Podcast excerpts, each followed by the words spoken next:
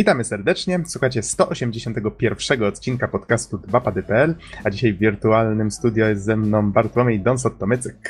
Halo, halo. A mówi Adam Noxa 15 Nagrywamy we wtorek 3 lutego 2015 roku. No, Don, troszeczkę nam dzisiaj, jak widać, towarzystwo się rozeszło, ale to obawiam się, że teraz będzie tak coraz częściej. Starzy weterani zostali na razie. Aj, tak, no właśnie, właśnie. Musimy troszeczkę poszukać jakiejś świeżej krwi. Tutaj surfer, co prawda, stara się jak może, ale widać też nie ma zbyt wiele czasu. Być może nam się ekipa troszeczkę powiększy, zobaczymy. Musimy popytać paru znajomych, czy nie chcieliby z nami ponagrywać. No i może, może się faktycznie redakcja podcastu trochę powiększy, ale to jeszcze zobaczymy. Musimy nad tym pomyśleć faktycznie, bo to zaczyna być realny problem. Ale może już, żeby odłożyć takie negatywne myśli na bok, skupmy się na tym, o czym będziemy dzisiaj mówić. A dzisiaj tematem głównym właściwie, właściwie będą dwa tematy główne. Jeden to będzie no, taka improwizowana dyskusja, nie jesteśmy jakoś szczególnie do tego przygotowani, ale będziemy mówić o, o remasterach i, i, i ogólnie odświeżaniu gier, coś co jest w tej chwili dość popularne. A stanie się tak dlatego właśnie z powodu Heroes 3 HD, które nie tak całkiem dawno się ukazało i, I wzbudziło strasznie, strasznie mieszane uczucia w odbiorcach. Zresztą we mnie też. Ja się tematem zainteresowałem głównie dlatego, że e, kiedyś, kiedyś miałem pudełkowe wydanie Heroesów 3 z dwoma dodatkami, czyli Ostrzem Armagedonu i Cieniami Śmierci. Natomiast już dawno gdzieś zaginęło, to było wydanie, które miałem dawno, dawno, dawno temu. No i tak pomyślałem sobie, że skoro wychodzi wersja HD, to być może jest to okazja do tego, żeby faktycznie ten tytuł kupić, przy okazji mieć ładne pudełko, no i klasyk na półce jednak mimo wszystko. Zainteresowałem się trochę tematem, no i no właśnie, to do czego doszliśmy, yy, w sumie poruszymy w dyskusji. to od razu powiem w takim razie, jaki będzie drugi temat. Drugim tematem będzie recenzja świeżutkiej gierki y, Life is Strange od twórców Remember Me. Miała premierę raptem w piątek, 30 stycznia. Dobrze, w takim razie zacznijmy może od tego standardowego pytania. Newsów dzisiaj zdecydowaliśmy, że nie będziemy żadnych nowinek komentować. Nie wiemy, ile nam zajmie dyskusja na temat tych remasterów, więc wolimy troszeczkę zostawić sobie pola do, do spokojnego pogadania na ten temat. Ale zacznijmy może od takiego standardowego pytania. Don, czy miałeś czas ostatnio w coś pograć? Tak, i ze wstydem niestety muszę powiedzieć, że wciąż są to tytuły, które powtarzały się już wcześniej e, na audycji, ale jednak czasu nagrania jest dosyć mało, no i ostatecznie kwestię sti- Spin Tires chcę e, dociągnąć do końca i czy raczej dojechać do końca i grę niedługo zrecenzować. Jak to wyjdzie, zobaczymy, ale myślę, że to już jest powoli czas, gdyż A właściwie gra już coraz większe postępy mam. Mhm, a gra Że- faktycznie jest aż tak wciągająca? E, To znaczy, może nie jest aż tak wciągająca. Na pewno jest czasochłonna i chciałem po prostu ukończyć przynajmniej połowę map, żeby, żeby jakoś się, żeby jakoś się jak najbardziej obiektywnie wypowiedzieć na temat tego, jak ten model rozgrywki, jaki twórcy sobie przyjęli, czyli taki, można powiedzieć, pseudo-otwarty świat, jak to się sprawdza w praktyce w takim pełnym wymiarze godzin, bo jednak mimo wszystko zupełnie inaczej, kiedy, kiedy mówi się o grze po skosztowaniu rozgrywki, a inaczej, kiedy na przykład powiedzmy przeszło się połowę albo, albo doszło się do, do końca, czyli czy w tym wypadku po prostu rozwaliło wszystkie mapy. Mhm. Okej, a coś poza Spin Tires, czy na tym się skupiłeś? E, Poza Spin Tires, szczerze powiedziawszy, The Darkness 2 mi przyszła dzisiaj w pudełku pięknym, ale tę grę już zrecenzowałem i ukończyłem, więc pewnie, pewnie się za nią nie będę brać. E, Jest kilka tytułów, które, które mam w zamiarze ukończyć w najbliższym czasie i dokończyć, chociażby LA Noir, ale to dopiero w przyszłości zobaczymy. Na razie dopnę sprawy Spin Tires i potem pewnie posypią się kolejne recenzje. No, a Nox, co ty ostatnio grałeś? W magisterkę? Znaczy, staram się pracować nad magisterką, ale jak już się zapewne domyślacie, ukończyłem właśnie Life is Strange na premierę.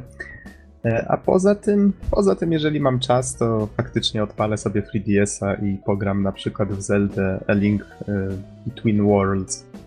To była ta Zelda, która bodajże w 2013 pod koniec roku wyszła, już nie pamiętam dokładnie. Ale jest taka fajna, klasyczna. Teraz doszedłem do takiego momentu, kiedy gra się faktycznie rozkręciła i e, początkowo mi się wydawało, że że ta eksploracja jest jeszcze taka troszeczkę wymuszona, ale w tym momencie już faktycznie świat gry się tak nagle otworzył i trochę mnie to zaskoczyło pozytywnie. No, więc...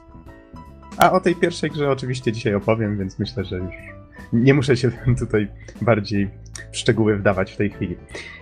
No dobrze, myślę, że możemy w takim bądź razie przejść do, do tematu tych remasterów. I zacząłeś tutaj mówić o o Heroesach, od których właściwie zaczęła się ta cała dyskusja jeszcze e, kilka dni temu.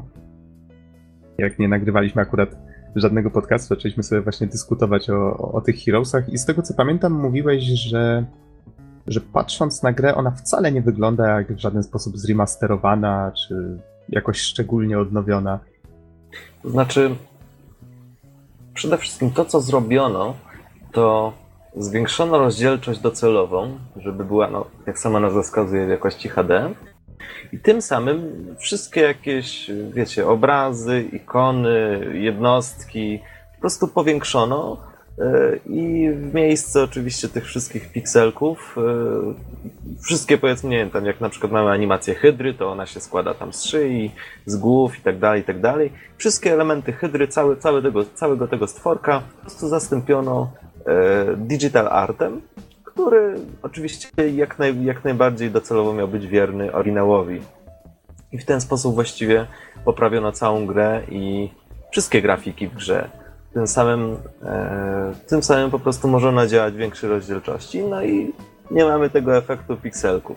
Natomiast e, co mnie osobiście zdziwiło, to to, że, e, że właściwie gra poza tym szczegółem, bo w pewnym sensie jest to taki szczegół, właściwie w mhm. żaden sposób się nie zmieniła.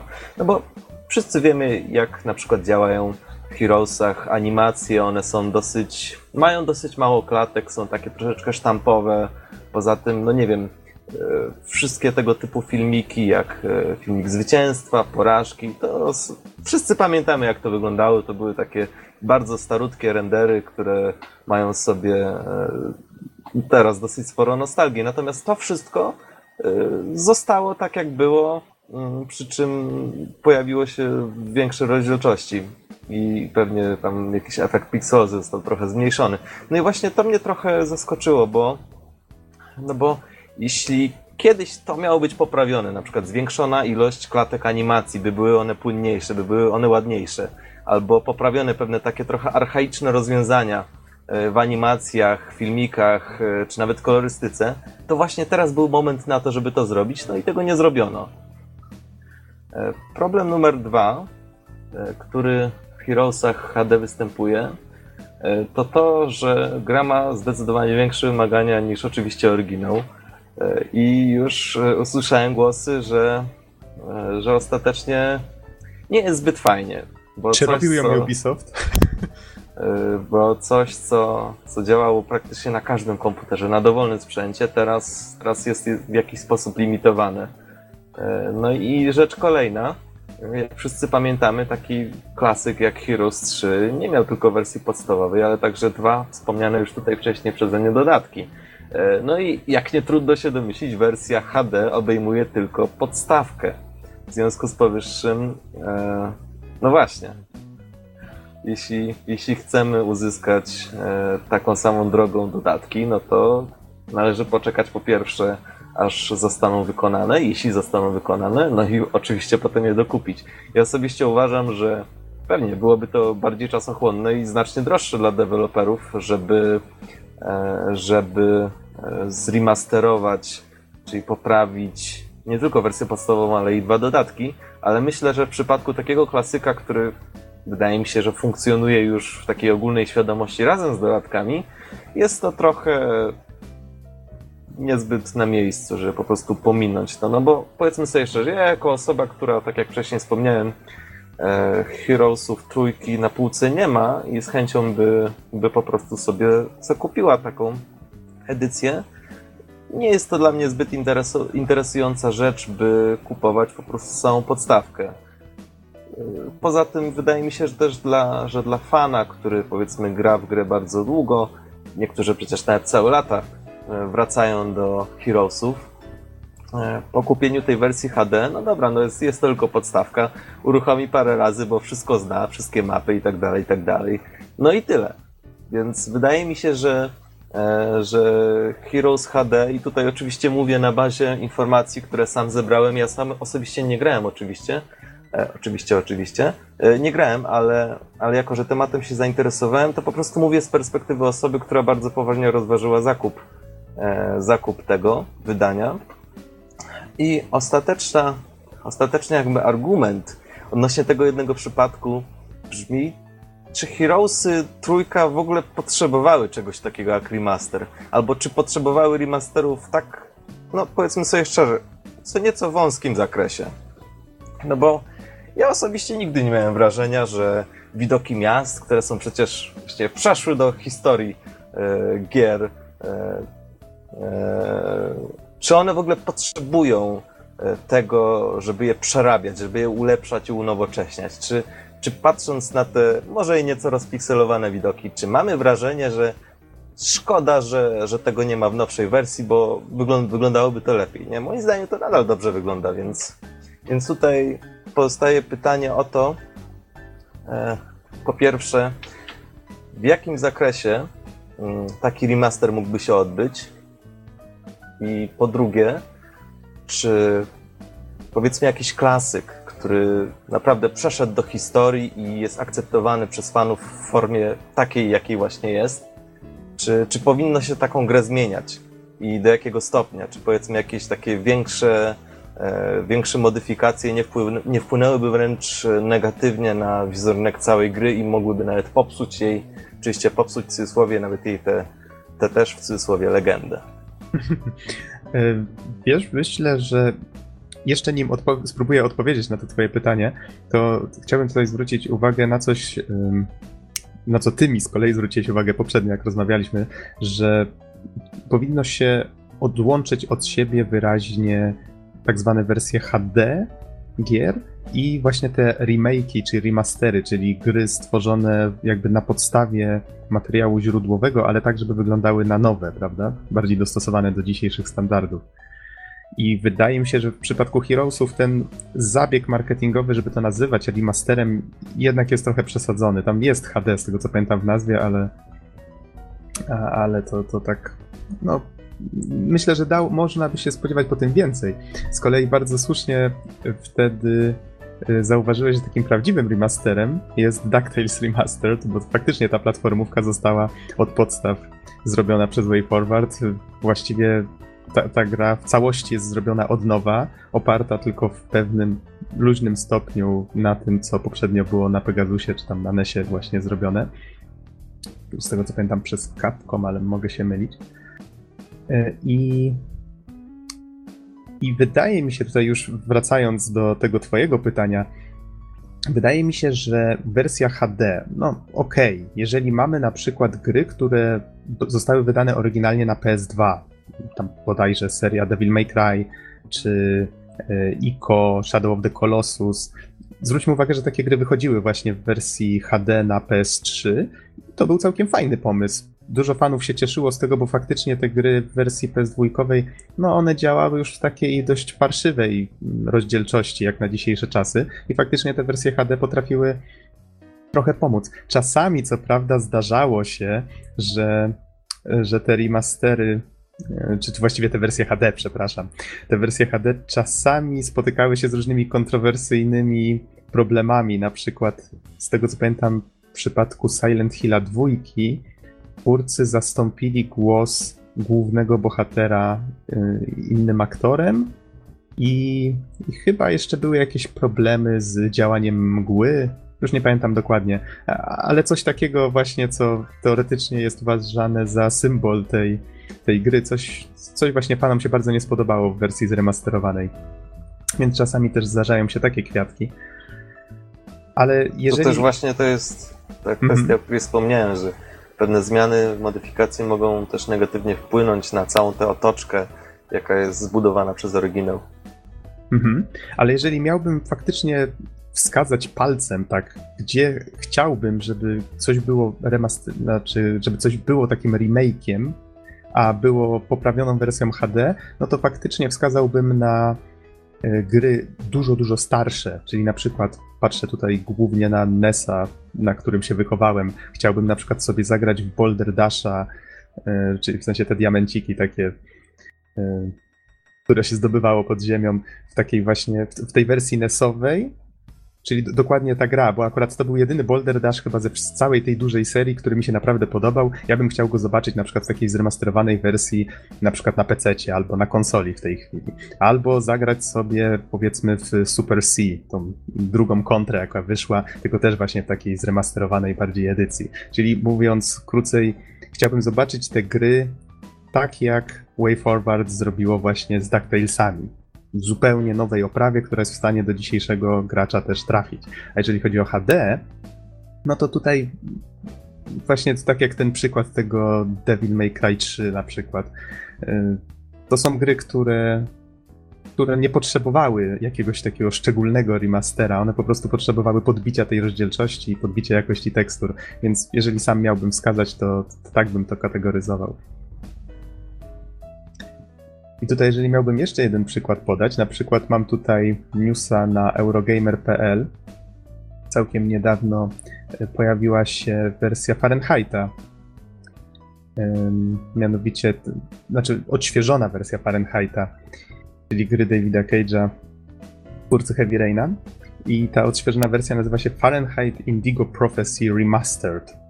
No i autor tego newsa zamieścił też filmik, pokazał jak ta zremasterowana wersja wygląda i sam w tym filmiku komentując zauważa, że właściwie gdyby sobie wcześniej nie odświeżył jak ta gra ja- jak ta gra wyglądała wcześniej, no to nie zwróciłby uwagi na to, co tutaj właściwie się zmieniło, co poprawiono. Ja przyznaję, sam już nie pamiętam dokładnie oryginału, ale oglądając ten filmik też tak się trochę drapałem w głowę i zastanawiałem, co tu się właściwie zmieniło. No faktycznie może niektóre rzeczy są bardziej ostre, ale, ale bez, bez przesady. Ta gra wyszła w 2005 roku, no i to remastered trochę tak w tej nazwie nie za bardzo pasuje. Co tam jeszcze do takiego na przykład przychodzi ci do głowy w przypadku tych remasterów? No, mi przychodzi teraz do głowy The Last of Us Remastered i Mhm. Tomb Raider najnowszy, który został bodajże e, ulepszony do, do wymagań sprzętowych, inaczej do standardów Next Genu. Oczywiście standardy Next Genu trochę w cudzysłowie, bo jak wszyscy wiemy, te najnowsze gry nie do końca spełniają oczekiwania, jakie, jakie mieliśmy. Wiesz, wydaje mi się, że to- to jest ciekawy, ciekawa rzecz, na którą zwróciłeś teraz uwagę, bo te gry, tak jak w przypadku PS2 i PS3, które podałem, no to wiadomo, jak wychodziło PS2, nikt jeszcze o PS3 nie myślał, ale w tym przypadku te gry wychodziły wtedy, kiedy już PC-ty miały dużo większą moc, kiedy te next-genowe konsole już albo były, albo były na horyzoncie. I, I nagle się okazuje, że te wersje PC-towe tych gier często wyglądały dużo lepiej. I teraz na przykład właśnie DMC, czyli najnowszy Devil May Cry albo ten Tomb Raider, którego wymieniłeś, zostały wypuszczone na, e, czy zostaną, nie pamiętam dokładnie kiedy premiera DMC miała być w tej ulepszonej edycji. Mają trafić właśnie na, na konsole obecnej generacji. No, twórcy Tomb Raidera starali się troszeczkę to jeszcze faktycznie uzasadnić, zmieniając na przykład twarz Lary, z tego co pamiętam. Więc miało to jakiś, jakiś większy sens. Nie wiem, jak, jak twórcy DMC podeszli do tematu. A tutaj jeszcze mamy taką listę, taką ściągawkę w sumie na wiki, która to, to jest List of Video Game Remakes. Czyli ogólnie ró- róż, lista różnych remake'ów gier. I tutaj na przykład widzę Castlevania Rondo of Blood. To był w sumie fajny remake, bo to jest taka ciekawostka, w sumie nawet y, fani e, Angry Video Game Nerda mogą być zainteresowani tematem, bo ukazał się raptem wczoraj czy przedwczoraj filmik z serii James and Mike Mondays. E, Tak, pracujesz na magisterku. Dobrze, tu mnie masz. Ukazał się filmik i, i właśnie James z Mike'iem grali tym razem w, w Castlevania Rondo of Blood, tylko jest to tyle ciekawe, że grali w oryginał japoński, który nigdy nie został wydany poza... E, znaczy nigdy. Przez bardzo długi czas nie został wydany poza Japonią. Minęło, bo ja wiem, z 10 lat bodajże i gra została tak na oko, już nie pamiętam dokładnie. I gra została wydana w, w, wersji na PSP, ale to było tak, że ona została zrobiona właśnie w formie takiego remastera, zupełnie od nowa. Dodano nowego bossa, nowy etap, czy tam nawet dwóch nowych bossów, pozmieniano troszeczkę fabułę. To był właśnie taki remaster, bardzo fajny. Dodano do tego do odblokowania jeszcze oryginalną grę i jeszcze Symfonię Nocy, czyli zupełnie inną, dużo, dużo większą Castlevanię. To wszystko wrzucono w, na jedną płytkę na PSP. To był bardzo fajny zestaw. To jest coś właśnie, co nazywam remasterem. To jest kawał dobrej roboty, a nie, a nie taki leniwy skok na kasę. Co tutaj jeszcze widzę fajnego na tej liście? Jest Baldur's Gate. Akurat nie grałem w tą nową Enhanced Edition, tak? No to akurat w nazwie, nazwa w sumie jest adekwatna, no bo to jest edycja ulepszona. Gra wygląda teoretycznie tak, jak wyglądała. Może tam podbili faktycznie trochę tą rozdzielczość, ale dodali też nowe elementy z tego, co słyszałem. Są nowe postacie, które można dołączyć do drużyny, nowe, mm, jakieś nowe scenariusze, ale to. No, fani, fani się wypowiadali różnie na, na temat tego, co tam dodano. Właśnie no, widzisz, faktycznie. dlatego mhm. ja osobiście uważałbym, że, że jeśli brać, brać na warsztat taką legendę, nie, przesad, nie przesadzam z tym określeniem, jak na przykład Heroes 3, no to fajnie byłoby dodać coś, coś nowego, coś co trzyma oczywiście nastrój, klimat oryginału, ale stanowiłoby nowy content i tym samym zachęty dla wszystkich wyjadaczy, którzy, e, którzy po oryginał sięgali e, chętnie. I poza tym też taką fajną, e, fajną, fajną wyczytałem w komentarzach, czy, bo jak wiadomo Heroes 3 posiadały także edytor map, oczywiście to oryginalne HD pewnie też. Natomiast e, warto też wziąć pod uwagę, że powstała cała masa e, fanowskich map do Heroes 3 i właśnie jedna z osób e, w jednym bodajże z forumowych wątków doda, dodała taka, taką myśl, że fajnie byłoby, gdyby, gdyby, gdyby został wypuszczony taki konwerter, dzięki któremu można by taką mapę z oryginału fanowską zrobioną czytać i po prostu przekonwertować na wersję HD, tak żeby była zgodna z, z, tą, e, z tym nowszym wydaniem Heroes. A wiesz, to jest aż to jest świetny pomysł, to jest aż dziwne, że czegoś takiego nie zrobili. No, Bo to faktycznie jest leniwe sposób, podejście. W ten sposób została stworzona nowa wersja, która jest ograniczona w, w, w porównaniu do oryginału i tym samym Wydaje mi się, że grono odbiorców bardzo się zawęży i sama popularność też bardzo szybko się skończy, no bo tak naprawdę nie będzie w, tym, w tej wersji HD, oprócz tego samego HD, niczego, co mogłoby przyciągnąć. Mhm. A ja tutaj jeszcze przeglądam sobie tą listę i trafiłem też na inny ciekawy przykład takiego e, remake'u w HD, no jeżeli można to tak nazwać. E, w przypadku gry, która też została wydana tylko w Japonii początkowo. Chodzi tutaj o serię Ace Attorney, bo początkowo ona się ukazała na Game Boya Advance'a. Być może nie wszyscy o tym wiedzą. Cała ta pierwsza trylogia. Z kolei dopiero w, na DS-ie ukazała się w wersji angielskiej. No, nie jestem pewien, jak dużo się w tej grze zmieniło, być może nie był to wcale jakiś tam HD remake czy coś takiego, ale no, jest to taki ciekawy przypadek, że gra z platformy na platformę przeskoczyła i dopiero wtedy została wydana w innym kraju, w innym języku. No i dopiero wtedy zdobyła na całym świecie tak olbrzymią popularność, bo faktycznie nie da się nie da się powiedzieć, że Phoenix Wright nie jest, nie jest popularny. Kawał świetnej serii. A tak, jeszcze jedna ciekawa rzecz a propos remasterów mi się tutaj nasuwa, o której też żeśmy wcześniej rozmawiali. Mianowicie Grim Fandango albo Half-Life. Mamy tutaj takie dwa ciekawe przypadki, o których akurat tutaj. E, o, o, których można powiedzieć, że fani też próbowali coś tam przy nich dłubać, ale to może może po kolei. Ostatnio pojawił się ten, pojawiła się ta zremasterowana wersja Grim Fandango i ja przyznam szczerze, jestem nią dość zainteresowany, bo wcześniej nie miałem okazji nigdy ograć Grim Fandango, a dużo dobrego o nim słyszałem. No i zainteresowałem się y, tą wersją zremasterowaną, chociaż jeszcze jej nie kupiłem. Na razie tak sobie chciałem tylko zobaczyć, ile oni faktycznie w tej grze zmienili. No i tak patrzyłem na te screeny, próbowałem nawet na jakieś filmiki porównawcze i, nie wiem, nie, nie, znalazłem jakoś szczególnie dużo różnic. Najwięcej chyba zmieniono w tym, że ekran teraz jest panoramiczny w tej grze i, y, i oświetlenie się mocno zmieniło. Widać, że w tej starej wersji powiedzmy cień pod postacią jest cały czarny, a w nowej jest powiedzmy półprzezroczysty, albo że na postaci odbijają się y, na przykład żaluzje z okna, tego typu detale, których w tej starszej wersji nie było, ale całość sprawia wrażenie nie tyle wersji zremasterowanej, co po prostu co po prostu do starej wersji dostosowanej do, myślę, do nowych systemów operacyjnych. Myślę, że tak bardziej do tego podeszli.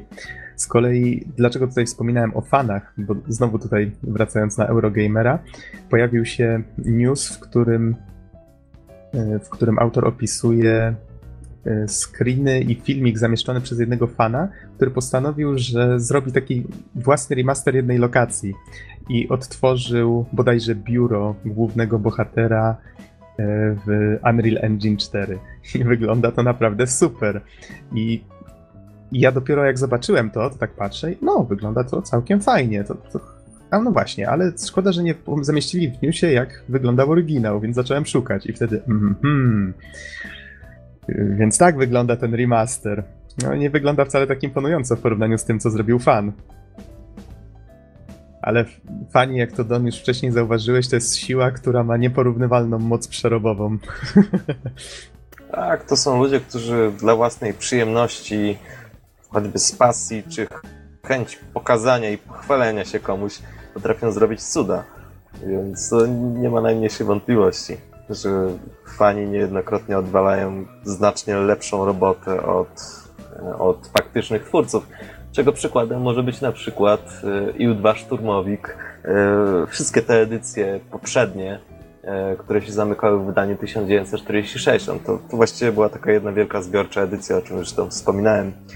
Otóż fani stworzyli do, do tej gry taki bardzo duży dodatek, który, w którym właśnie zremasterowali e, tekstury, samolot, dźwięki, model fizyki itd., tak itd. Tak e, do tego stopnia było to mod udany, właściwie to raczej był mod, ale podchodziło to pod, pod takie pojęcie remasteru całej gry.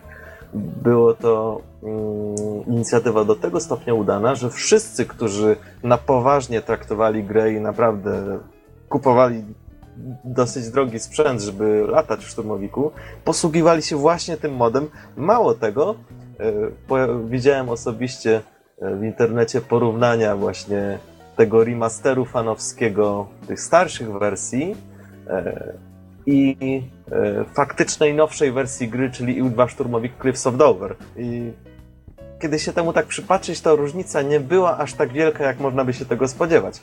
Więc, y, więc faktycznie naprawdę fani to jest siła niepowstrzymana.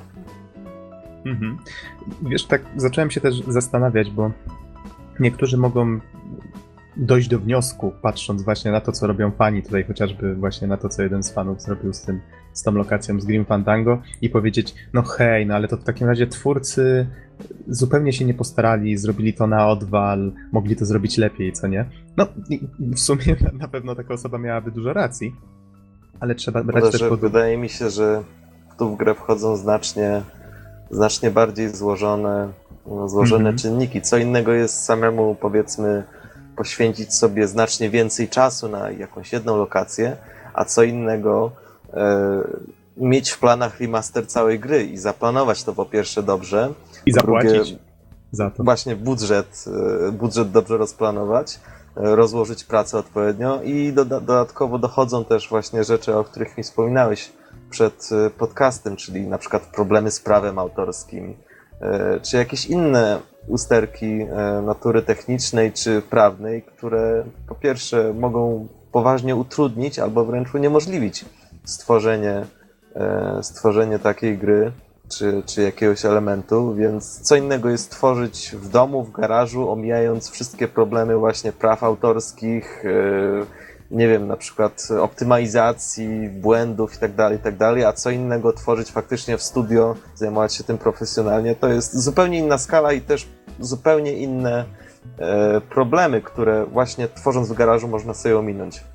Mhm. A wiesz, to skoro poruszyłeś ten temat, dobrze, że mi o tym przypomniałeś, bo to w sumie jest ciekawostka taka całkiem fajna.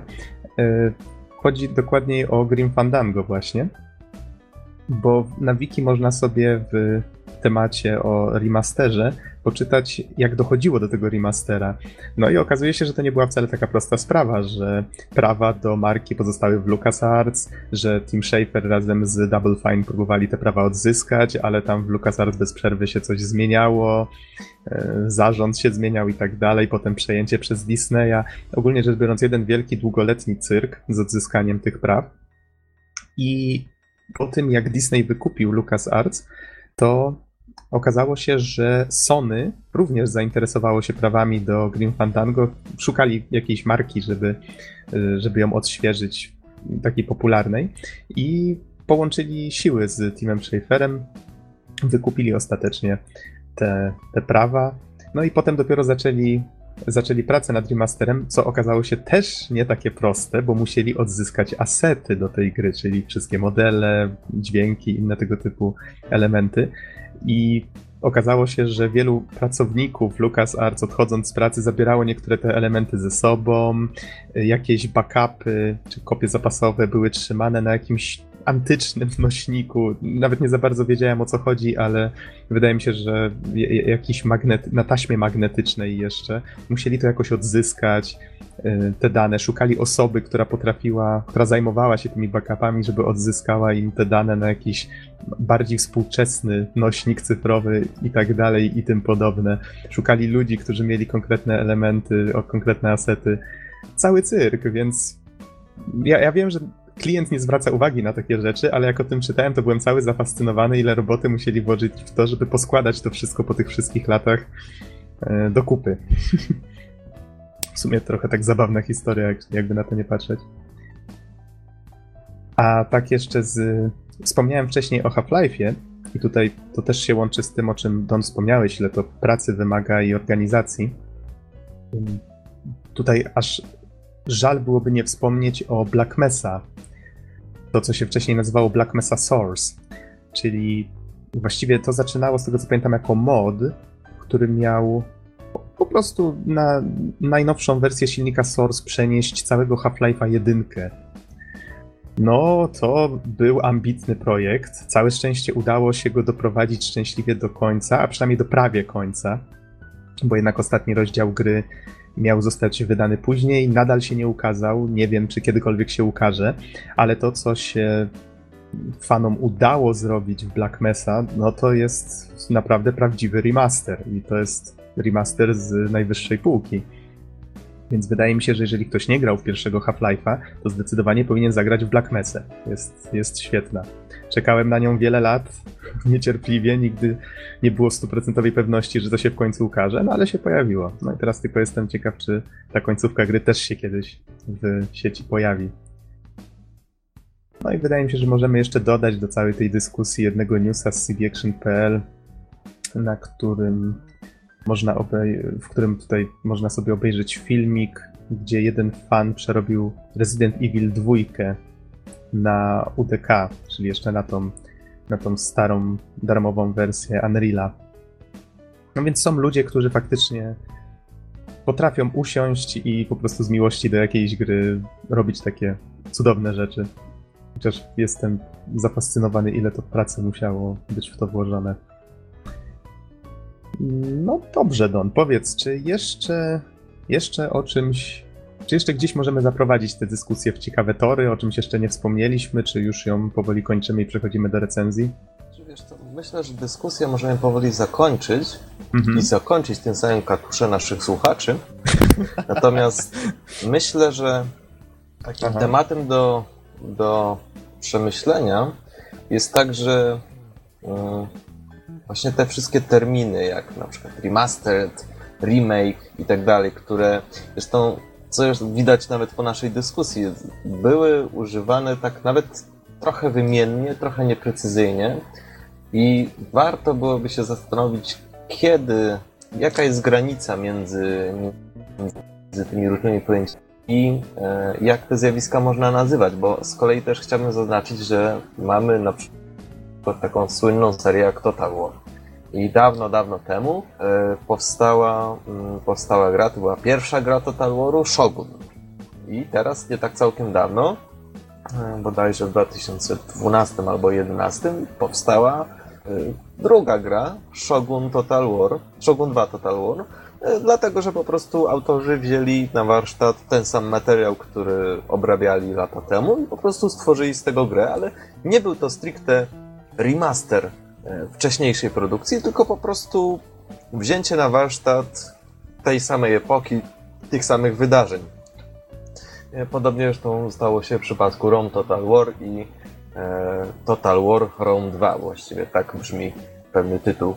I nie były to gry, które można by nazwać remasterem, czyli jakby od wzięcia dokładnie tej produkcji, dokładnie odtworzenia e, tego jakby w nowszej szacie graficznej, ale raczej mm, obrobienie, tak jak powiedziałem, tej samej partii materiału, trochę się od siebie różniącej i zrobienie z tego zupełnie innej gry. Więc wydaje mi się, że pewne pojęcia można by doprecyzować i przemyśleć, e, jakie są e, ich zakresy. Mhm. A to zakończmy tę dyskusję takim ciekawym pytaniem. E, Czy masz jakąś grę, którą bardzo chciałbyś zobaczyć, czy to przez fanów, czy to przez twórców, takiej zremasterowanej wersji, ale tak dobrze zremasterowanej, jak właśnie te DuckTales, o którym wspominaliśmy wcześniej? Uha, to jest trudne pytanie bardzo. No właśnie, Wiesz czy masz co? jak, jakaś Myślę, taka że- gra, o której myślisz od czasu do czasu i o, chciałoby się zagrać w to, ale tak ładnie i... Wiesz, myślę, że, e, że przydałoby się Blair Witch część pierwsza, e, stworzona przez Terminal Reality, właściwie to na przełomie chyba 99 i 2000 roku, ale to chyba, chyba raczej się wpisuje 2000.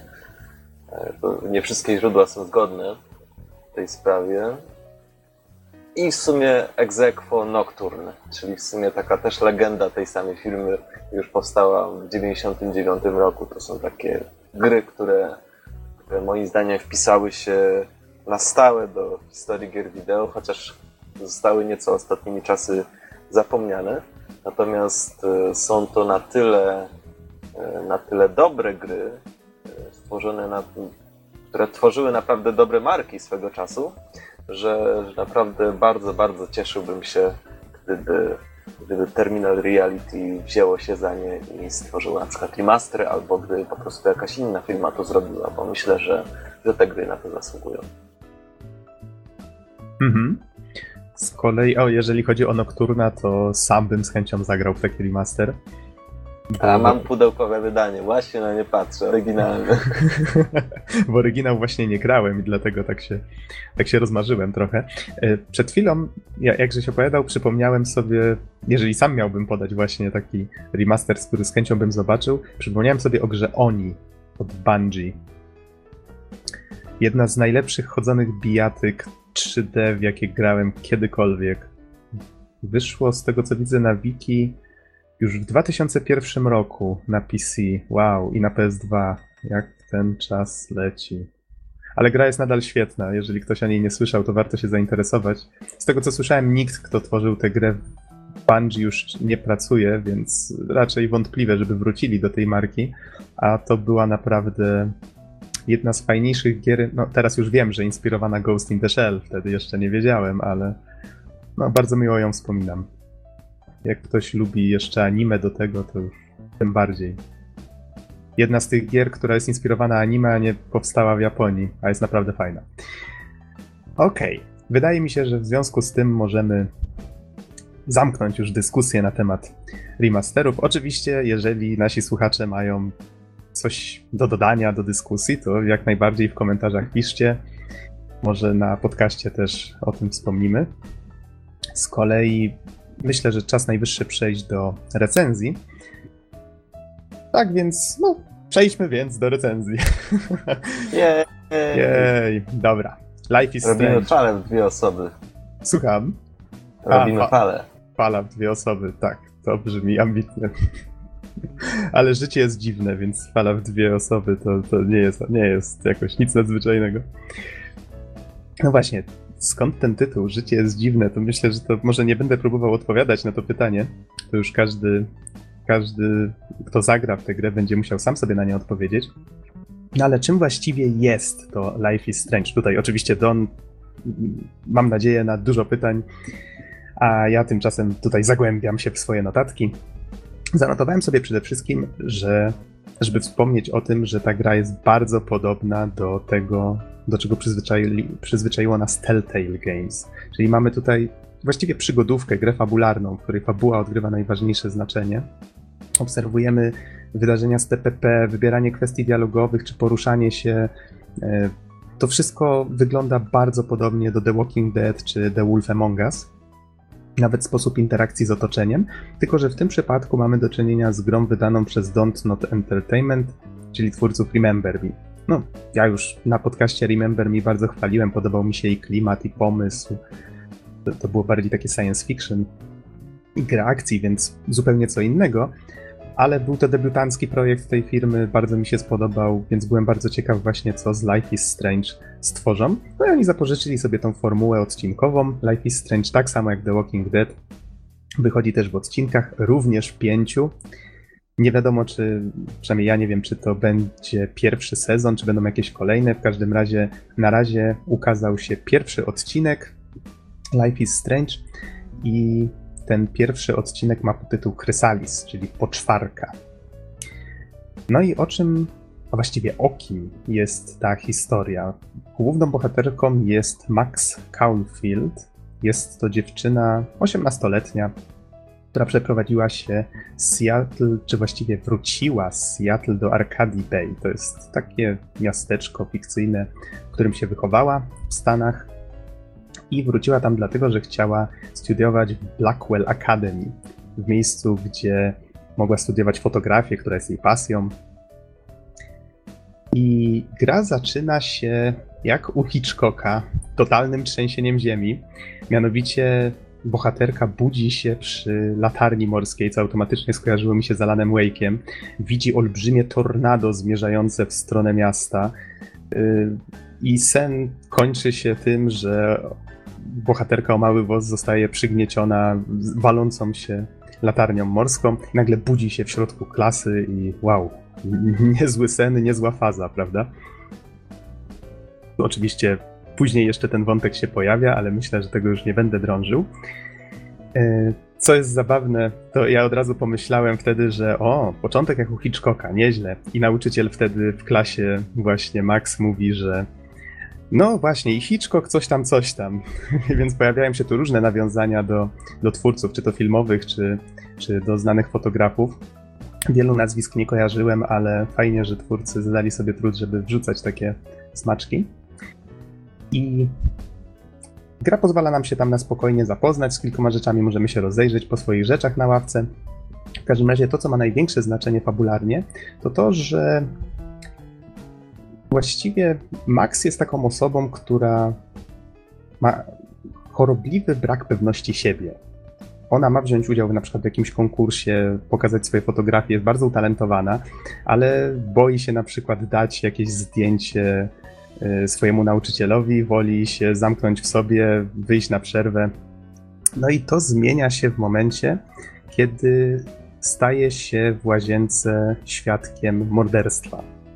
Jakiś chłopak wpada do damskiej toalety, zaczyna gadać do siebie. Akurat Max jest gdzieś tam schowana w, poza jego widokiem.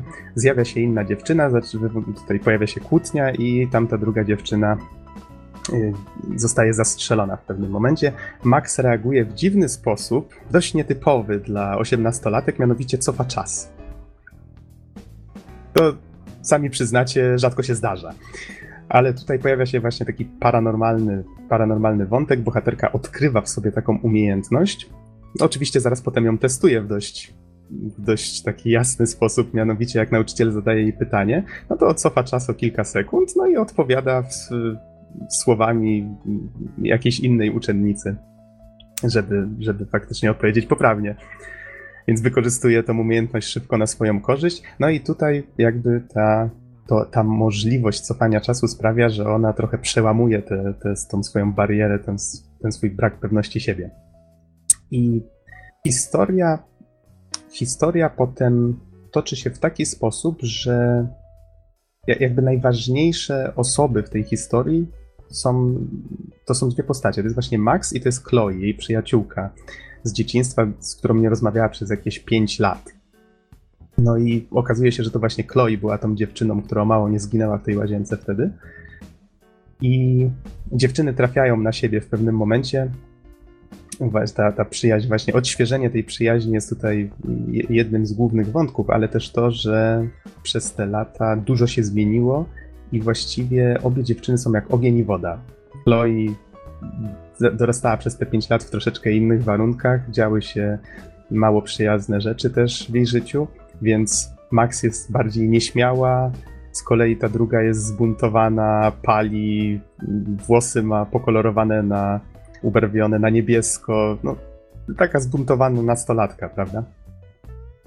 I myślę, tutaj nie powinienem chyba więcej opowiadać, jeżeli chodzi o fabułę. W każdym razie widać, że twórcy mają całkiem fajne plany, jeżeli chodzi o rozwój e, tej historii. To, co mi się spodobało, no bo tutaj jest, wiadomo, pierwszy odcinek, nie chciałbym za dużo mówić, bo ta historia dopiero się rozkręca. W każdym razie to, co mi się spodobało, to to, że ta historia jest taka obyczajowa. No wiadomo, są tu wątki paranormalne, jest to cofanie czasu, ale ono póki co sprawia wrażenie takiego ozdobnika, bym powiedział, takiego dodatku. Ja czasami nawet zapominałem, że jestem w stanie to zrobić, że to jest mechanika gry. I na pierwszy plan, na pierwszy plan wysuwają się postacie muszę przyznać, że nawet bardziej niż w grach od Telltale. Twórcom udało się zbudować taki fajny, melancholijny, nieśpieszny nastrój czasami. Mm, położyli ogromny nacisk na budowanie głębi y, właśnie charakteru postaci poprzez detale w otoczeniu. Na przykład odwiedzamy pokoje y, w akademiku, czy to głównej bohaterki, czy jej koleżanek, i tam jest tak nadzikane różnych detali, różnych szczegółów, te pokoje naprawdę wyglądają tak, jakby ktoś tam żył. Jakieś zdjęcia na, poprzyklejane na przykład na jakąś tablicę, czy nawet pomazane ławki. Różne takie detale, na które widać, że nad którymi widać, że ktoś po prostu bardzo długo siedział. I one potrafią nam czasem dużo więcej powiedzieć na temat postaci, niż jakieś wydarzenia, powiedzmy, z dowolnego odcinka The Walking Dead. To mi się strasznie spodobało, bo już po pierwszym odcinku właściwie byłem w stanie powiedzieć, jaki jest charakter Max, jakie ona ma marzenia y, i co ją pasjonuje. No, tego typu rzeczy. No, jak, jak dziewczyna ma tak naprawdę problemy ze sobą. I to było fajne. Muszę przyznać, to było bardzo fajne. Cieszę się, że twórcy tyle włożyli w to pracy. Um, o czym tutaj jeszcze warto wspomnieć. Mimo to, wydaje mi się, że warto uprzedzić niektóre osoby, że w grze, a właściwie w fabule jest trochę takiej licealnej dramy. No, może i te dwie główne postacie faktycznie są fajne i ciekawe, ale już pozostałe postacie poboczne zdarza się, no zdarza się, w większości właściwie to są już tacy stereotypowi uczniowie. Mamy jakąś kujonkę, mamy, mamy jakąś dziewczynę z bogatego domu, która zachowuje się E, wrednie wobec wszystkich i tak dalej, i tak dalej. Mamy takie stereotypy, które właściwie znamy z różnych już innych historyjek, właśnie szkolnych i, i tego typu. Więc to może sprawić, że niektórzy się faktycznie odbiją od tego, ale myślę, że warto, warto się troszeczkę przemóc i, i dobrnąć do tych dobrych, dobrych elementów. Co ja tutaj sobie ciekawego jeszcze zanotowałem? zanotowałem sobie, że w grze, tutaj już wspominając o tych też, o, o tych elementach, na które położono nacisk, czyli te mnóstwo ozdób w otoczeniu, bardzo fajnie, że zadbano też o takie charakterystyczne elementy, które łatwo zapamiętać. Na przykład to, że bohaterka bez przerwy łazi z aparatem, ale nie jest to żadna cyfrówka, a tutaj właściwie są to czasy współczesne, jest to współczesna młodzież, wysyłają do siebie SMS-y, nawet w menu możemy przeczytać, jak ktoś do nas wyśle wiadomość, korzystają z Facebooka i po prostu mają swoje wole facebookowe Ale na komputerze. pojawia się logo i marka Facebooka, czy po prostu coś, co odpowiada Facebookowi? Wiesz, nie, powiem ci szczerze, strasznie ciężko mi odpowiedzieć na to pytanie, bo na pulpitach y, komputerów widnieje coś, co wygląda po prostu identycznie jak wall facebookowy, więc mózg automatycznie myśli, o, Facebook, ale ja nie pamiętam, czy coś takiego jak Facebook w ogóle padło. Mam Prawdopodobnie wrażenie... nie. Prawdopodobnie nie. Y, jedna z postaci pyta się bohaterki, czy, czy może ją narysować, tylko że ostrzega, że wrzuci ten rysunek na i tu właśnie chyba się pojawiło na fanpage'a czy coś takiego. No, być może Facebook nigdy się nie, nie pojawia tutaj w nazwach, ale za to pojawiają się pojawiają się różne marki Square Enix, które jest wydawcą tej gry. Więc na przykład bohaterka widzi plazmę w pokoju koleżanki i mówi: Wow, świetny telewizor, muszę się tu kiedyś zakraść i obejrzeć Final Fantasy The Spirits Within. Nie obchodzi mnie to, co inni myślą o tym filmie, dla mnie to jest najlepsze sci-fi, nie? więc, no cóż, opinia, więc nie możesz zabronić komuś mieć opinii, prawda? Co jest opinia bohaterki na temat Final Fantasy The Spirits Within. Swoją drogą... Nawet przypom... jeśli jest to bezduszny kawałek kodu, który wymawia wszystko to, co mu się każe. tak, ale to przypomniało, w sumie dobra reklama, to mi przypomniało, że nigdy tego filmu nie widziałem, a chciałem. Y, są też nawiązania do Lary Croft, która też przecież w tej chwili, z tego co pamiętam, jest wydawana przez Square Enix i tak dalej i tym podobne. Ale to jest fajne, to sprawia, że ma się poczucie, że to jest historia osadzona w naszym, w naszym świecie, więc to jest, to jest całkiem fajne. Ale zacząłem mówić o tym aparacie. Bohaterka ma aparat, który nie jest cyfrówką, tylko jest takim starym polaroidem, czyli wywołuje zdjęcie od razu. To jest, muszę przyznać, intrygujący, ale fajny pomysł. Jest to trochę hipsterskie, wiadomo, ale to sprawia, że bohaterka robi zdjęcie, od razu je, od razu je widzi. To jest takie. Nie, nie wiem, ale jakoś przyjemnie mi się to skojarzyło przy okazji twórcy wykorzystali to i na przykład... Wiesz co, szczerze mm -hmm. powiedziawszy, trochę ci się wetnę w słowo, mnie się to skojarzyło trochę stereotypowo, ale też bardzo wygodny zabieg y, gameplayowy, czy do pisania historii, skoro możesz mm -hmm. zrobić zdjęcie, teoretyzuję tutaj oczywiście, możesz zrobić zdjęcie i od razu je zobaczyć. -hmm. No bo na przykład od razu jakby mamy konsekwencje zrobienia tego zdjęcia, czyli trzeba wysyłać bohaterkę do komputera czy do sklepu, żeby je wywołać.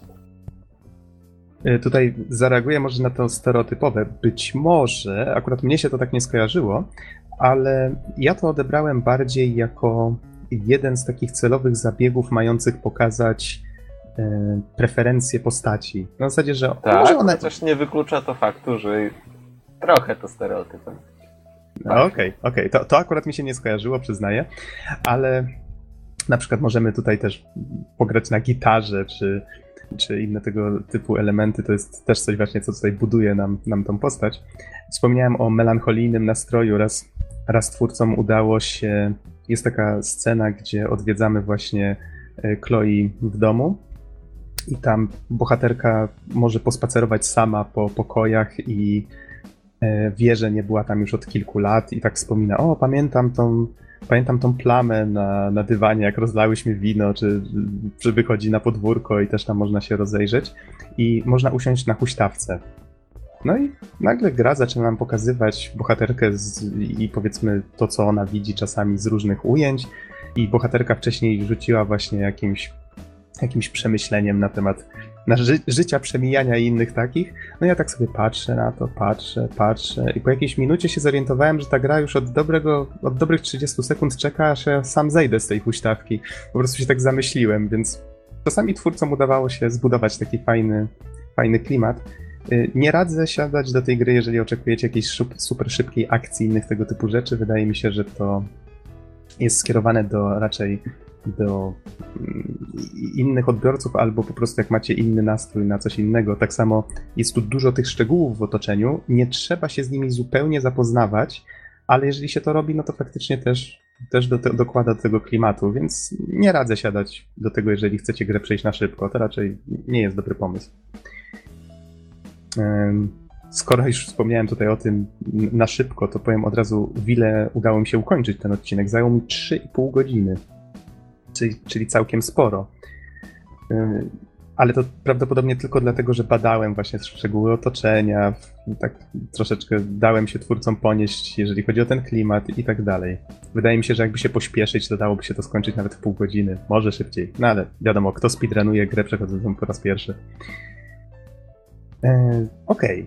z innych rzeczy, żeby już tutaj powoli, e, powoli ku końcowi się zbliżać, może przejdę do stylistyki. Jest tutaj coś takiego fajnego jak dziennik. On zawiera na przykład wpisy poprzedzające wydarzenia z gry. Możemy sobie przeczytać na przykład, dlaczego się wyprowadziła y, z tego miasteczka, dlaczego postanowiła do niego wrócić i tak dalej, i tak dalej. Tak jakby się w sumie czytało mm, pamiętnik osiemnastolatki, no po prostu. Ale jest to muszę przyznać, całkiem fajnie zrobione. Został on całkiem fajnie też wizualnie przygotowany. Gdzieś tam na tych stronach są naklejki, jakieś bazgroły, inne tego typu rzeczy. Widać, że twórcy do każdego szczegółu dosłownie e, do, dokładali starania, żeby to wszystko wyglądało całkiem fajnie i naturalnie. E, nawet jeżeli chodzi o interfejs w grze, jeżeli podejdziemy do jakiegoś elementu, na przykład do telewizora czy do jakiejś książki, to gra pokazuje nam, że właśnie ten element w tej chwili staje się interaktywny w taki sposób, że wygląda jakby go ktoś mazakiem białym jego kontury podkreślił. Innymi słowy, podkreślenie przedmiotu wygląda tak, jak, jakby było to narysowane i ten rysunek tak się lekko rusza. Czasami się pojawia też strzałka na przykład od postaci y, z napisem y, jak, jak ma na imię. Więc to, to też jest fajne i dodaje właśnie do tego takiego dziennikowego klimatu pamiętnikowego trochę. Nie wiem, czy wspomniałem, jak Don mówiłeś o tym, że można zrobić zdjęcie i od razu je wywołać. Twórcy to wykorzystali też w taki sposób, że w grze są znajdźki i zostały zrobione na zasadzie zdjęć. Mamy właśnie w tym dzienniku takie rysunki i powiedzmy jakiś ptaszek siedzący na fontannie albo, albo coś innego i wiemy, że te, te scenki musimy znaleźć na przykład, znaczy musimy, możemy znaleźć, jeżeli chcemy. Jeżeli znajdziemy faktycznie takie miejsce, to robimy mu zdjęcie, no i zaliczamy w ten sposób znajdźkę. Muszę przyznać, że jedne z fajniej wymyślonych znajdziek, właśnie ze względu na to, że, że tak pomysłowo to wkomponowali w grę i w fabułę. Z kolei, no w dzienniku można jeszcze przeczytać trochę o postaciach i tak dalej, ale myślę, że to, co najbardziej najbardziej Was interesuje prawdopodobnie, to ta mechanika cofania czasu. Już wspomniałem, że ona nie jest tu kluczowa, no ale mimo wszystko ma jakieś, jakiś wpływ na to, co robimy. Przede wszystkim, tak samo jak w grach od Telltale, duży nacisk jest położony na wybory. Co prawda nie widać tego jeszcze po pierwszym odcinku. Ciekaw jestem, jak właśnie, jakie pojawią się długoterminowe konsekwencje niektórych wyborów. Tutaj w pierwszym odcinku nie za bardzo je widać, oczywiście ale ta mechanika cofania czasu pozwala nam te krótkoterminowe bardzo łatwo skorygować. Niektórym może się to bardzo spodobać. Rozmawiamy z kimś i na przykład dziewczyna mówi, że e, słuchaj, przecież ty nawet nie wiesz pewnie jak ja mam na imię, więc o czym my w ogóle rozmawiamy, prawda? No oczywiście zdradza nam chwilę potem, ten, znaczy my próbujemy zgadnąć, zgadujemy na przykład źle i ona nas poprawia, cofamy czas i mówimy oczywiście, że wiem jak masz na imię, no przecież może jestem taka cicha i w ogóle, ale, a, ale jednak dbam też o różne tego typu rzeczy, tam bohaterka Wiesz mówi, co? prawda? E, no. Z pewnego punktu widzenia wielu graczy robi coś podobnego, nawet e, jeśli bohater nie ma zdolności cofania czasu. Wystarczy tylko wyjść do głównego menu, czytać poprzedni zapis. Mamy tak, dokładnie, dokładnie ten sam efekt. To też jest właśnie bardzo ciekawe pod tym kątem, że zwróć uwagę, że to można samo... to robić tak. Mhm. Zwróć uwagę, że to samo mówiono, jak wyszła Prince of Persia Piaski Czasu. Też mówili, że przecież jak wpadnę na kolce, no to z reguły robiłem quick load i właściwie to działało tak samo jak cofnięcie czasu. Tu jest tak samo. Mm. Co prawda w The Walking Dead przyznaję, nigdy nie cofałem, bo dla mnie to była część doświadczenia, że musiałem żyć z wyborami. Tutaj ciekaw jestem właśnie, jak to twórcom wyjdzie. Mam nadzieję, że te długoterminowe e, konsekwencje tutaj będą ciężkie do przewidzenia, nawet pomimo tego, że będziemy mogli te krótkoterminowe. Już było kilka takich sytuacji tutaj w pierwszym odcinku, że widać, że te krótkoterminowe, powiedzmy, robimy coś, faktycznie jakaś osoba jest z, tego, z naszego wyboru niezadowolona i kusi nas, żeby, a, może jednak powinienem zrobić tamto, ale z drugiej strony, jeżeli zrobię tamto, i, i tutaj zaczynamy tak myśleć, jakie to może mieć długoterminowe skutki, i mam nadzieję, że twórcy to wykorzystają. Że my możemy to zmienić, co się stało przez ostatnie kilka, czy tam kilkanaście sekund, ale niekoniecznie jest to dobry pomysł. Jak działa ta mechanika? To działa w ten sposób, że możemy sobie po prostu cofnąć czas, pojawia się taka spirala w rogu i ona pokazuje takimi dużymi kropkami mm, kluczowe miejsca, w których musieliśmy podjąć na przykład jakiś wybór. To jest o tyle fajne, że możemy na przykład przyspieszyć cofanie tego czasu, kiedy miniemy tą kropkę puścić i w tym momencie wiemy, że jesteśmy w miejscu, o które nam chodziło. Yy, możemy wtedy przewinąć jednym przyciskiem dialogi, które już odsłuchaliśmy, więc to jest bardzo wygodne, fajnie zrobione. Czasami zdarzają się też drobne zagadki oparte na kolejności wydarzeń. One są naprawdę proste, wręcz banalne, ale całkiem miło, że o nich pomyśleli. Czyli na przykład na przykład bohaterka sprawia, że z jakiejś szafki spadają klucze, tylko, że one wtedy wpadają pod jakąś, pod jakąś inną szafkę, z której już nie jest już w stanie ich wyciągnąć. Dlatego musi cofnąć czas, wcześniej wsunąć karton pod tamtą szafkę, wtedy zrzucić te klucze i dopiero wtedy dopiero wtedy wysunąć ten, ten karton z kluczami. Takie. E, Bright? Bright, tylko tak chciałem powiedzieć wow, nie, nie, nie skojarzyło mi się z tym. Ale jeżeli chodzi o skojarzenia, mój brat zobaczył, że początek tej gry i tak, tak patrzy, patrzy i mówi, kurde, kolejna gra z dziewczyną z jakimiś niezwykłymi umiejętnościami. Mówi, jak Beyond Two Souls, a ja wtedy, o nie, tego się nie da odpatrzeć. Ale go pocieszyłem, że nie, nie, spokojnie, scenariusza nie pisał David Cage, jest duże prawdopodobieństwo, że od połowy gra nie będzie ssała. No to taki inner dowcip dla tych, co grali w niektóre gry Davida Cage'a. tak. Okej. Okay. A z takich ciekawostek już w sumie w napisach końcowych pozytywnie zaskoczyło mnie to, że pod Chloe podkłada głos Ash Ashley Barge, którą być może niektórzy kojarzą z takiego show Hey Ash, Watch I Playing. Nie spodziewałem się, że ona jest aż tak dobrą voice aktorką, a tu się okazuje, że ona już w nie pierwszej grze występuje. Ale to, tak jak mówię, taka w sumie ciekawostka. Wracając do tej mechaniki cofania czasu, czy ja tutaj sobie coś jeszcze zanotowałem? Nie, raczej nie. Tylko tutaj sobie podkreśliłem, że faktycznie jest to raczej drugorzędne, przynajmniej na razie. Może w kolejnych odcinkach trochę twórcy e, bardziej położą na to nacisk. Oprawa. Gra widać, że jest stylizowana, ale widać to przede wszystkim po tłach. Tłach albo po wszystkim, co nie jest postacią. Spojrzymy na przykład na trawę i wygląda ona jak takie maźnięcia farbą. Y, spojrzymy powiedzmy gdzieś na jakieś mm, elementy otoczenia, też ma, to są takie kształty czasem uproszczone, y, zwłaszcza te w oddali. Widać, że twórcy skupiali się powiedzmy na tych detalach, które są ważne, tak jak wspomniałem o tych pokojach, ale jeżeli coś jest mniej istotne, to to, to, wykorzystywali to, że gra jest stylizowana i wtedy nie trudzili się z tym, żeby robić jakiś skomplikowany widok z masą szczegółów, na przykład wokół domów, wokół uczelni czy, czy innych takich. I wbrew pozorom wygląda to całkiem nieźle. Postacie są mniej uproszczone niż w The Walking Dead czy w innych grach od Telltale. Znaczy w innych grach od Telltale tutaj, nie powinienem tak uogólniać w sumie, ale mniej uproszczone niż na przykład w The Wolf Among Us albo właśnie w The Walking Dead. Powiedziałbym wręcz, że są tak bardziej mm, pixarowo uproszczone. Wyglądają całkiem fajnie i nawet w tym otoczeniu pasują całkiem do tego. Muszę przyznać, że stylistyka mi się, mi się całkiem mm, podobała. Z kolei jeszcze rzecz, o której naprawdę warto wspomnieć, to to, jak twórcy bawią się muzyką. To jest świetna sprawa bohaterka na przykład, takie w sumie z niektórych filmów też znane zabiegi, bohaterka na przykład wkłada Walkman i nagle zaczyna grać muzyka.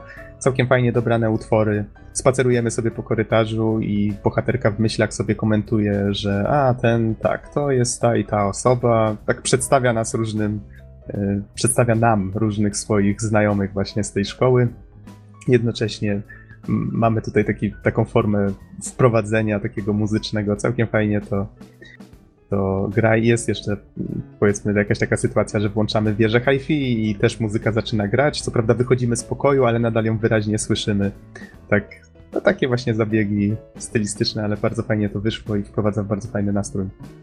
Jeżeli miałbym wymienić jakąkolwiek wadę Life is Strange, która mi póki co bardzo, bardzo doskwiera, no to jest to słaby, słaba synchronizacja ust z tym, co mówią postacie. Widać, ja co prawda jestem wzrokowcem, skupiam się na napisach, nawet jeżeli są w tym samym języku, bo no po prostu tak łatwiej jest mi wychwytywać informacje, ale kiedy odwracałem wzrok od napisów, to faktycznie widać było, że postacie trochę tymi ustami ruszają tak nie za bardzo do tego, co mówią. I to nie jest jakaś super duża wada, ale zdaję sobie sprawę, że dla niektórych może być to ważniejsze niż dla mnie. No już tak podsumowując, wspomniałem, że 3,5 godziny zajęło mi przejście pierwszego odcinka i wydaje mi się, że że komu tę grę polecić? Przede wszystkim fanom gier od Telltale, którzy szukają jakiegoś nowego klimatu, może bardziej obyczajowego. I wydaje mi się, że gra ma bardzo duży potencjał. Cała ta historia ma bardzo duży potencjał i mam tylko nadzieję, że twórcy go nie zmarnują. No, mam nadzieję, że, że się nie zawiodę. Drugi odcinek został zapowiedziany bodajże na marzec. Nie wiadomo, czy na początek, czy na koniec marca, ale jakoś, jakoś tak. No i cóż, ja jak najbardziej polecam. Don, czy masz jakieś pytania? Gdybym miał, to już bym je zadał. Okej, rozumiem. A powiedz mi, czy, czy czujesz się zachęcony do zagrania w Life is Strange? Wiesz co? E, trudno mi odpowiedzieć na to pytanie, dlatego że ja już po zakończeniu trailera byłem pewien, że na pewno muszę w tę grę zagrać. Więc nic się nie mhm. zmieniło od tego czasu. A powiedz, powiedz, co cię zachęciło w tym zwiastunie? Bo myślę, że to w sumie ciekawe pytanie, tak ciekaw jestem. E, to już nawet, e, nawet w momencie, kiedy komentowaliśmy go, e, już to określiłem. Przede wszystkim mamy tutaj do czynienia z historią, która, jakby to powiedzieć, pretenduje do, do czegoś więcej niż, niż stereotypów, czy jakichś takich uproszczonych historyjek, jakie w wielu grach wideo jeszcze, jeszcze tu i gdzie występują. No i poza tym, tak jak, e, tak jak to zaznaczyłem wcześniej, wydaje mi się, że może być dosyć ciekawym wątkiem e, ta możliwość zmiany czasu i wiążące się z nią konsekwencje. To znaczy, nie wiem, na przykład bohaterka zobaczy, że kogoś zamordowano i będzie mieć świadomość tego, że hej, przecież ja mogę to odmienić. Ale może się okazać z kolei, że próba zmienienia e, biegu wydarzeń może, by, może wiązać się z wieloma poświęceniami, wyrzeczeniami, E, czy wręcz, czy wręcz jakimś innym bólem, rozterkami. I tutaj też z kolei właśnie się pojawia to pytanie, czy warto, czy powinna? Czy skoro może to robić, to, to czy powinna to zrobić? Więc wydaje mi się, że tutaj, e, tutaj naprawdę są bardzo duże możliwości. Poza tym sama, samy ten, sam ten setting, e, sam styl gry też jak to momentami podkreślili w swojej recenzji, daje duże możliwości do takiego fajnego artystycznego podejścia e, i, i takich może nawet e, innowacyjnych strategii narracyjnych. Dlatego wydaje mi się, że z wielu powodów jest to gra, którą zdecydowanie zagram. Najchętniej miałbym edycję pudełkową na półce, tyle że z tego co wiem, jeszcze chyba takiej nawet nie ma. Zobaczymy, mhm. jak to będzie. Na wiki wyczytałem, że póki co o niej nie myślą, ale bardzo możliwe, że będzie już po wypuszczeniu wszystkich odcinków.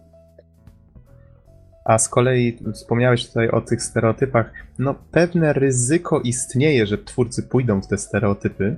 Na razie tak walczą, tak pół na pół, że faktycznie mm, częściowo ta fabuła jest taka stereotypowa, i, i kliszowata, a z drugiej strony faktycznie klimat zapowiada się całkiem fajny, więc mam nadzieję, że jednak jakoś to się zrównoważy. No zobaczymy.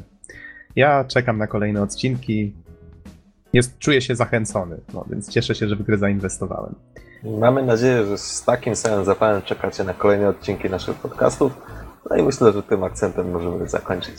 Mhm. Dziękujemy w takim razie wszystkim bardzo za uwagę i do usłyszenia w następnym odcinku. Trzymajcie się. Cześć.